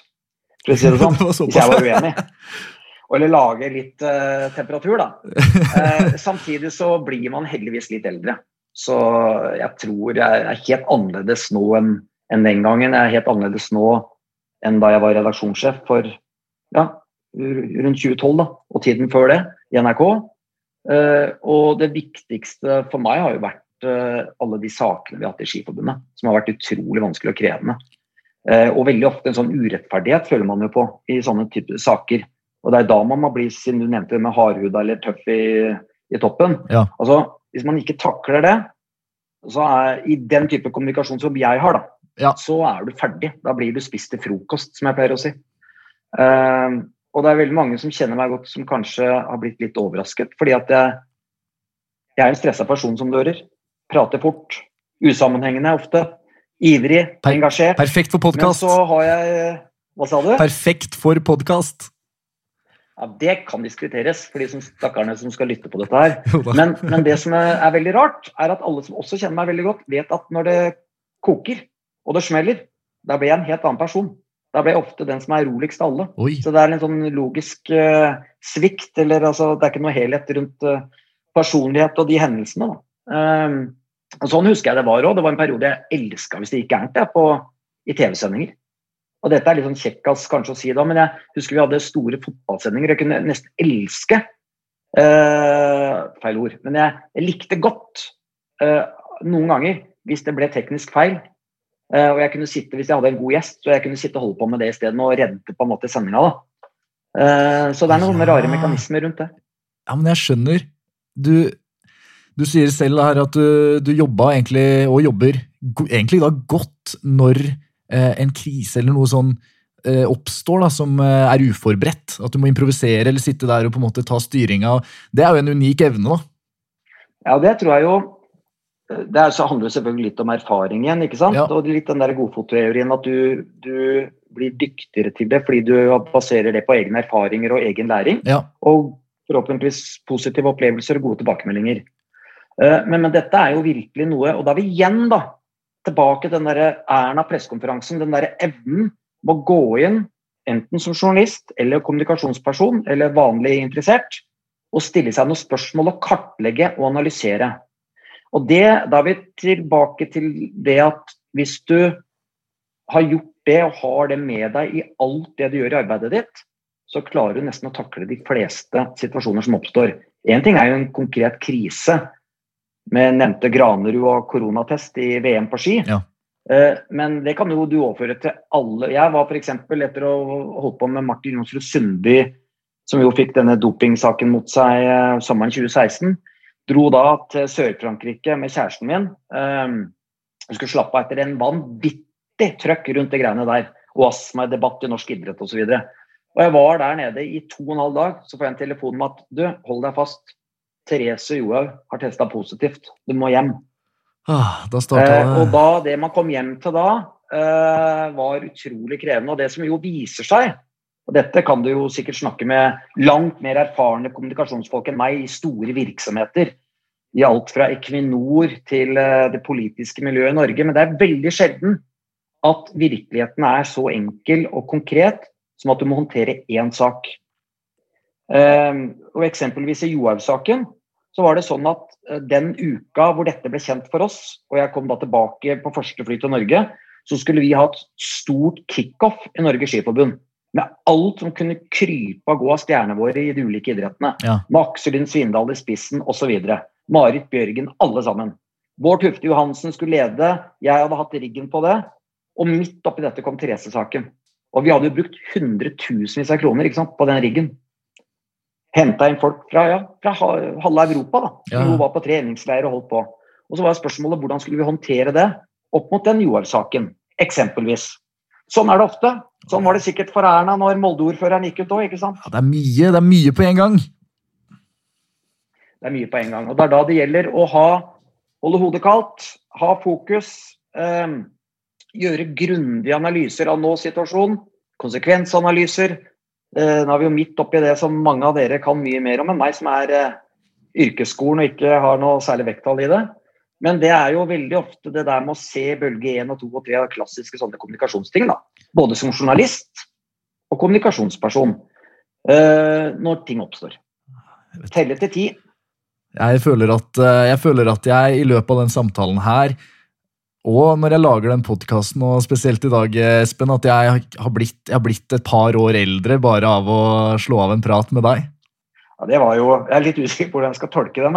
Nå, nå smilte du så fint, så jeg ser deg på skjermen min her, så jeg, jeg tar det som, et, eh, som eh, en hyggelig gest. Det er en, det er en Eh, hyggelig gest. Det var, Det kan jo hende at noen får noe grå hår på meg òg, men takk for det, altså. Å nei, nei, nei. Jeg har jo en, kan jeg, komme, jeg kom på en ting jeg glemte å si, da. Ja, Uh, som jeg opplevde i Volda. Eh, Jeg vet det er noen kolleger av deg eller studievenner av deg som kanskje har hørt om det, men jeg, jeg var i Volda for et par-tre år siden som jeg nevnte, og holdt et foredrag. ja. kommunikasjonsforedrag eh, på vegne av eh, altså, det var studenter som inviterte meg da, på kommunikasjon. Og da husker jeg Det var faktisk på Det grønne tre, når jeg tenker meg om. Av alle ting, veldig hyggelig. I kjent stil snakka jeg med inn- og utpust. eh, dro gjennom en del av casene vi har hatt i Skiforbundet. Eh, litt om krisehåndtering. Det var et par andre som også holdt innlegg der, som var kjempeflinke og langt mer erfarne enn meg. Eh, og da oppdaga jeg noe som jeg vil advare alle journaliststudenter mot, som hører den podkasten her. Det var nemlig slik at det var ikke én eneste journaliststudent til stede. Og i fare for å bli veldig navlebeskuende og selvopptatt og selvhøytidelig, så reagerte jeg veldig på det. Jeg tillot meg det, selv om jeg da risikerte å kanskje bli litt selvopptatt, som sagt. Fordi da var det tross alt i lille Volda en person som hadde da vært 20 år i NRK, med mye redaksjonsledererfaring, og det viktigste poenget, som i sin inngang og gjennomgang hadde noen av de mest omtalte mediesakene i den perioden i Norge. Ja.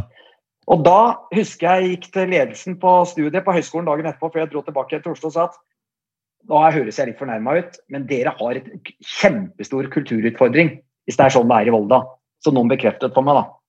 Eh, hvis det er slik at journaliststudenter tror de ikke kan gå på kommunikasjonsarrangement, og motsatt, i den læretida dere er nå, ja, da ønsker jeg lykke til og meget til sledd, som vi sa i gamle dager.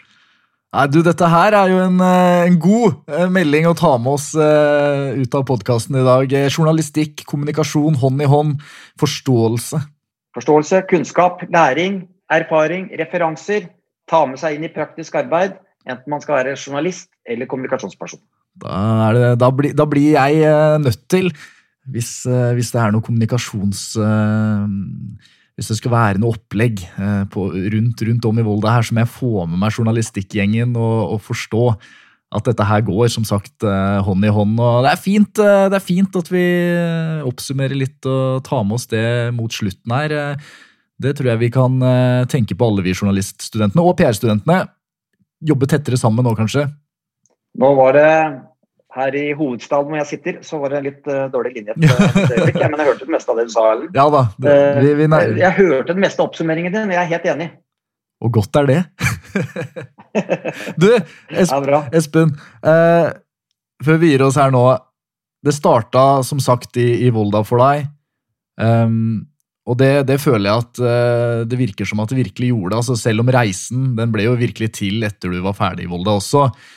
Men, eh, men du, du, angrer ikke på at du tok de to åra i Volda?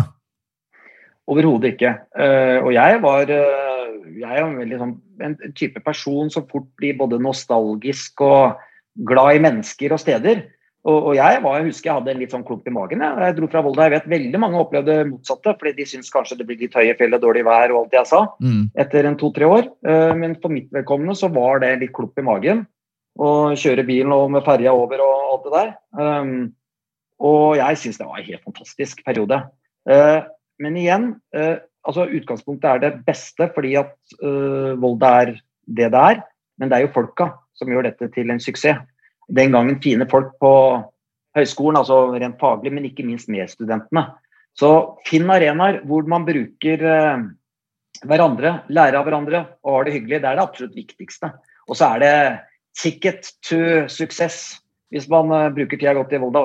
Det er ingen tvil om. Det var uh, ikke uten grunn at Ingvild Bryn og alle de andre gamle studentene eh, snakka om at Volda var hoffleverandør osv. til Medie-Norge. Oh, det er så godt å høre. Det er så godt å høre. Vi får håpe at, at de kan fortsette å levere til hoffet.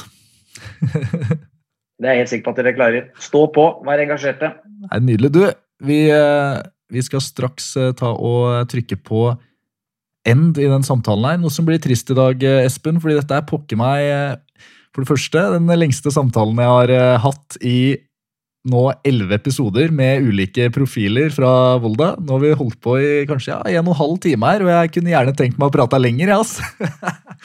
og... Det var, ja, jeg, jeg, må nesten beklage, da. Jeg ble nesten pinlig berørt når du sier det. Nei, det nei, nei, det er jo det som er bra. Jeg merka jo nå etter en sånn hverdag, da med alt det vi snakker om, som blir så fryktelig travel med, med masse Altså Jeg pleier ofte å si at jeg er konsulent i faenskap.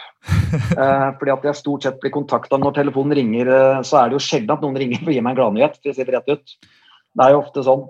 Eh, og da er det veldig hyggelig å blokke ut på kalenderen i dag, som jeg gjorde, eh, fra 10 til 12, at jeg skulle snakke med deg. Eh, så det var, eh, det var veldig, veldig, hyggelig på alle måter. Ja, og ikke si det at at uh, du, du, skal eh, unnskylde for at du har prata mye her. Tenk deg, For meg, da, som sitter, som vi har snakka om, på denne siden av bordet, så er jo en drøm for meg å kunne prate med en som deg, som virkelig åpner opp, gir, prater. Jeg er jo nervøs fra min side. Uh, si at jeg sitter der du sitter nå, om, ja, om uh, en del år.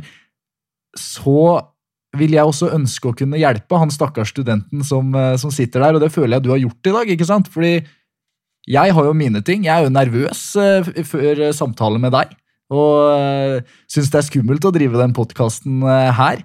Og jeg sitter da og tenker pokker, Espen, dette er bra. Han, han prater masse. Dette er gull for podkasten. Bare fortsett å prate. Jeg vil gjerne prate. Ja, ikke sant? Og så sitter du på andre sida og kanskje tenker at du har prata for mye igjen, men det, det, du vet jo selv egentlig at dette er bra. da. Jeg, jeg henger meg vel opp i det som du hører òg, da. Men det er jo fordi at jeg, jeg vet jo at det er mine, en av mine både svakheter og styrker, litt avhengig av kontekst, når jeg blir ivrig. Men det er så mye jeg har lyst til å formidle på samme tid, og det er jo, kan jo av og til være en utfordring. Og så er det jo litt sånn at da du eh, kontakta meg, og jeg i en veldig krevende hverdag, som jeg jo har, Ja. sånn tidsmessig, eh, så på kalenderen min i går kveld og i morges og sa at nå må jeg huske å koble meg på opptaket med deg.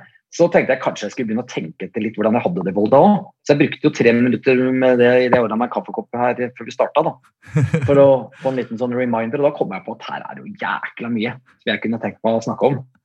Uh, og så var jeg på gang med et par detaljer som jeg fant ut at jeg skal ikke Som inn, handler om en del profilerte folk den dag i dag. Så jeg tenkte at det får vi ta i en eh, del to om et år eller noe sånt. ja, Den podkasten her eh, trenger jo ikke nødvendigvis å bli oppslag eh, til noen tabloider. Nei, jeg tror vi Jeg har gjort nok ugagn i andre sammenhenger i Volda enn at jeg skal bidra til det òg, sånn. Ja, det, nei, det er bra. Hvis du skulle gå på loftet nå, da, og uh, idet jeg trykker på en, gå og hente deg en plate, Espen. Vi, vi er jo egentlig veldig musikkinteresserte, det merker jeg. At vi kunne egentlig laga en podkast Ja. om musikk. Hva slags plate er det du skulle tatt med deg ned? eh, og nå, nå, nå kan du velge altså, kanskje tre plater da, som du har lyst til å Oi, lytte shit. til. Dette er uforberedt. Det er det verste jeg vet. For da pleier jeg å sitte og notere og lage lister og vurdere fram og tilbake og sånn. Så jeg er egentlig utrolig dårlig på sånne på sparkegreier. Ja, nå er det nødt. Nå blir må du, nå, nå blir du, nå blir du, nå blir du eh, stranda på en øde øy akkurat nå, og er nødt til å bare dra med deg tre eh, plater. Vær snill, da. Det er dårlig gjort. Eh, Jeg eh, hadde tatt med meg selvfølgelig Jeg kunne tatt med meg tre Beatles-skiver og overlevd. Jeg er jo en særing på det her. Selv om jeg elsker jazz og klassisk og har spilt masse sjøl med forskjellige instrumenter. Men eh, jeg hadde selvfølgelig tatt Beatles-skive. Da hadde jeg tatt med meg, tipper jeg, sånn som det er nå, Abbey Road, tenker jeg. Ja, skulle til å si det. Eh, for hadde dattera mi på 13 med til London rett før koronaen, så hun fikk eh, litt ordentlig ballast i livet. Hun kan få lov til å drive med hva hun vil, men hun skal lære sin Beatles før hun drar hjemmefra. Det er det eneste kravet jeg har. Nydelig. En eller annen hiphoper med capsen bakfram, det driter jeg i, bare hun kan Beatles. Uh, to andre skiver Nei, ta noe litt sånn, da. Eh, men ta første skiva til et band som kanskje ikke så mange har et forhold til. Jeg er skaptrønder. Så da hadde jeg tatt uh, 365 Fri, Tre små kinesere, okay, ja, ja. som er en akustisk skive uh, uten noe mikk-makk. Som jeg bare, ja, som skaptrønder elsker. Den ga meg veldig mye i Volda-perioden. ja. Det er derfor jeg tenkte nå jeg må prøve å relatere litt mot eh, tiden min. da. Og så tror jeg tredje skive, det kan jo være noe alt fra Baker, altså jazz. John Paddis, trompetist. Oi, du er på Chet, jeg- Chet Baker, altså. Ja, altså mye, men det er jo Det blir jo litt sært. Uh, skal vi Jeg tipper jeg måtte tatt med meg kanskje ei DumDum-skive, altså. For å relatere til, Fra- til Volda igjen. Det ble, det ble DumDum. Det ble ikke noe, det ble ikke noe Chet Baker og rolig trompetjazz, altså. Nei, det, men du sa jo ikke noe om at jeg ikke fikk lov til å ha med noe instrument sjøl. Og da tar du med deg instrumentet Da tar jeg med meg to instrumenter. eh, enten eh, Du, jeg tar ikke med meg, tar ikke med meg DumDum. Jeg tar med meg eh, en eh, Vamp-skive. Oi, oi, oi! Eh, og det er den Vamp-skiva er plutselig ikke et annet liv. Eller jeg husker plutselig ikke hva tittelen er nå. Men det var et år eh, min gode venn Øyvind Stavland i Vamp eh, ikke hadde med seg eh, Eller de hadde ikke vokalist. Så de lagde ei skive eh, på et fyr utafor Haugesund hvor de hadde med seg masse store norske artister. Et fantastisk verk, spør du meg. Eh, top notch. Ja. Jeg tar selvfølgelig med meg Vamp-skive. Så tar jeg med meg fløyter som jeg har fått av Øyvind Stavland personlig, for å spille på, sammen med en av trompetene mine. Da er jeg i mål. trompet, fløyte. Ah, nydelig. Vamp. Fantastisk. Eh, Her har du tre gode Det blir mye musikk på den øya! Det blir mye musikk på den øya. Og jeg må si det at eh, vi snakka jo om DDE og kultursnobberi og, Ja. og, og terningkast og Grand Prix-deltakere og det å lage gode hitlåter som du kan med sikkert din bakgrunn og sånn. Så er det jo så er det jo et eller annet med at der jeg er litt kultursnobb, da, kanskje, det er at jeg får jo mye større respekt i musikkens verden for de som kan håndtere De som kan spille, som vi sa i gamle dager da jeg var med i band nå. Altså det å spille et instrument, håndtere det på et bra nivå. Om det var da jeg var i Garden med trompeten, eller uh, i korps, eller uh, i band med trommesett. Altså, det å håndtere et instrument, det gjør at du hos meg får høy kred. Altså. Skjønner. Altså, det går på kunne, kunne faget. Hva spiller du? Jeg er gitarist. Jeg er trent, altså jeg er trent klassisk gitarist som skjønte fort at jeg hadde altfor mye jeg hadde altfor mye i kjeften. Jeg hadde altfor mye i, altså på, det, på andre områder enn å skulle formidle gjennom gitaren. Men det er jo en av mine drømmer. Det å være en god gitarist. Det skulle gjort altså I Volda er det perfekt på nachspielet. Tenk på Det er jo Altså å dra damer, da. Det er jo klassiker. Selv i 2021, vil jeg tro. Jeg det var det på 90-tallet. Jeg prøver ikke å bli eh, han. Så har jeg kjøpt meg piano. Ja, da. Oi! Jeg. Jeg har funnet ut at det er et godt alternativ. da. Sånn, sånn hus, til husbruk. Ja, men, så jeg har mye instrumenter hjemme. Det er moro, det. Pianoet, det, det har jeg oppdaga siste la oss si, fire åra når det gjelder låtskrivinga. Så jeg har egentlig spilt mer piano enn en gitar som jeg har trent opp i, fordi piano det gir noe helt annet igjen. altså. Ja, jeg syns det er fantastisk moro, faktisk. Altså, jeg kan virkelig ikke noe. Altså, jeg er jo helt ufaglært på området, men leiter meg fram til noen akkorder og holder på. Men jeg, det er uh, å lage litt sånn, snutter til noen kortfilmer og sånn, som jeg holdt på med opp igjennom òg. Oh, ja, ja, ja. Uh, ja, og, det er jo, og da har jo piano vært veldig ålreit som et sånt basisinstrument. ikke sant? Å lage de linjene på. Da. Trenger ikke så mye. litt enklere. Hva sier du? Du trenger ikke så mye spilling. altså Du trenger ikke være så teknisk på piano. Du slår én tone, og så får du en følelse. Ja, jeg er helt enig. Og det når jeg har funnet noen akkorder som helt sikkert har et navn som jeg ikke vet navnet på engang. Ikke sant? Der er jeg da. ja, ja. Selv om jeg kan jo noter og har jo alt sånn, men det blir noe helt annet enn uh, trompeten. ikke sant? Eller fløyta, for den saks skyld. Ja, men sånn, så det er eh, veldig gøy. altså. Sånn er jeg òg, egentlig. Selv om jeg utdanna meg innenfor det, så sitter jeg fortsatt egentlig og bare føler meg fram og Oi, den, den var fin! Hva pokker er det? Det trenger jeg egentlig ikke vite.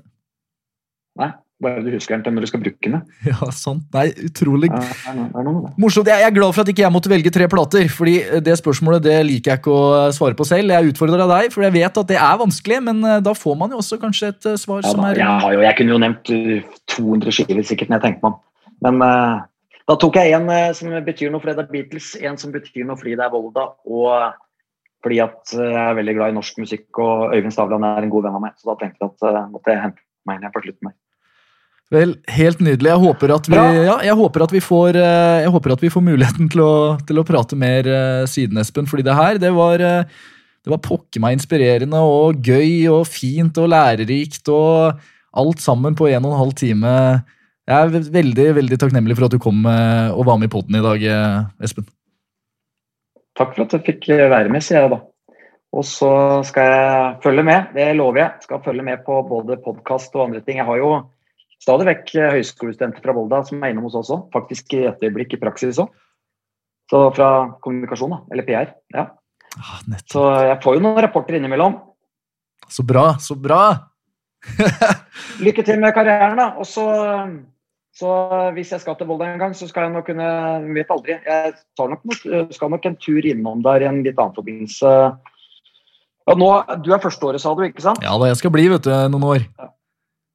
Så det kan godt hende at eh, jeg benytter anledningen på å høre litt hvordan jeg er journaliststudent nå, ikke bare kommunikasjonsdelen. Og da kan vi eh, peile journaliststudentene inn på kommunikasjonen. Viktig. Meget viktig. Det blir vår. Bra! ok, greit. Du har hørt en podkast produsert av Døgn i samarbeid med Høgskolen i Volda. Programleder var Erlend Arnesen. Det starta i Volda, og hva gjør du nå?